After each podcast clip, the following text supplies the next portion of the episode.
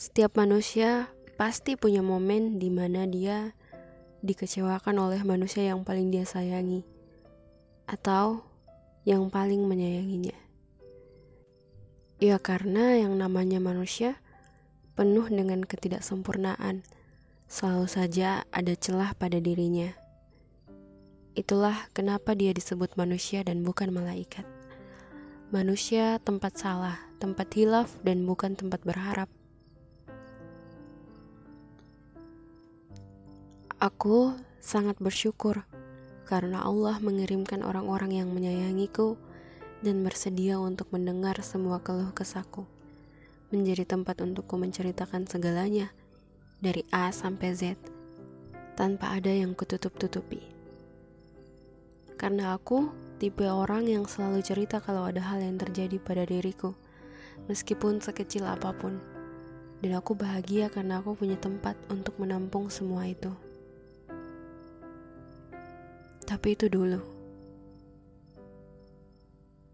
Aku tidak sadar. Ternyata dulu aku terlalu egois. Aku selalu menganggap mereka seperti kertas kosong yang bisa kutulis sesuka hatiku dengan ceritaku. Aku mengira mereka gelas kosong yang tidak mengapa ku isi dengan keluh kesahku setiap hari. Aku salah. Aku egois. Mereka bukan kertas kosong, bukan gelas kosong.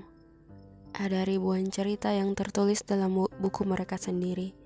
Ada macam-macam air yang terisi dalam gelas mereka. Mereka juga punya kehidupan sendiri, punya masalahnya sendiri, punya cerita sendiri, dan aku terlalu egois membiarkan mereka untuk sekedar mendengar apa yang terjadi dengan hidupku. Padahal, buku cerita mereka pun butuh penyelesaian.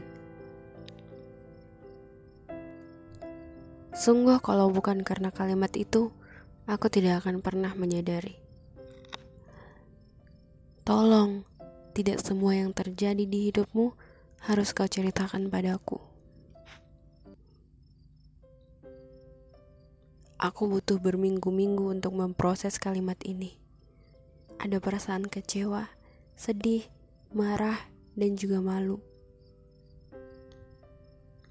Ya Allah, apa yang sudah kulakukan? Aku terlalu manja dan terlalu egois sampai lupa bahwa mereka pun punya kehidupannya sendiri dan mereka tidak punya kewajiban untuk mendengar setiap ceritaku setiap hari. Sejak hari itu, aku lebih banyak memendam aku lebih banyak diam soal perasaanku. Tapi hal ini baik, karena aku bisa menemukan tempat ternyaman untuk mengadu, yaitu pada Allah, di setiap sholat. Tenang sekali saat bisa menceritakan semua masalah pada sang pemilik solusi. Bahagia sekali saat bisa menangis tanpa perlu dipandang aneh. Iya, Allah menegur lewat lisan orang lain bahwa Allah menungguku untuk mengadu bermanja padanya. Manusia punya keterbatasan, sedang kasih sayang Allah tanpa batas.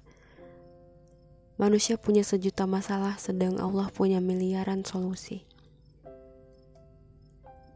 Aku menceritakan segalanya pada Allah, dan satu persatu Allah wujudkan. Aku mengadu segalanya pada Allah, dan satu persatu Allah selesaikan.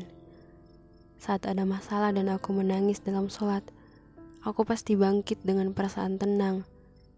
Saat aku membutuhkan pendapat untuk permasalahanku, tiba-tiba Allah titipkan pesan lewat lisan orang lain, atau lewat postingan Instagram, atau lewat video yang muncul di beranda YouTube.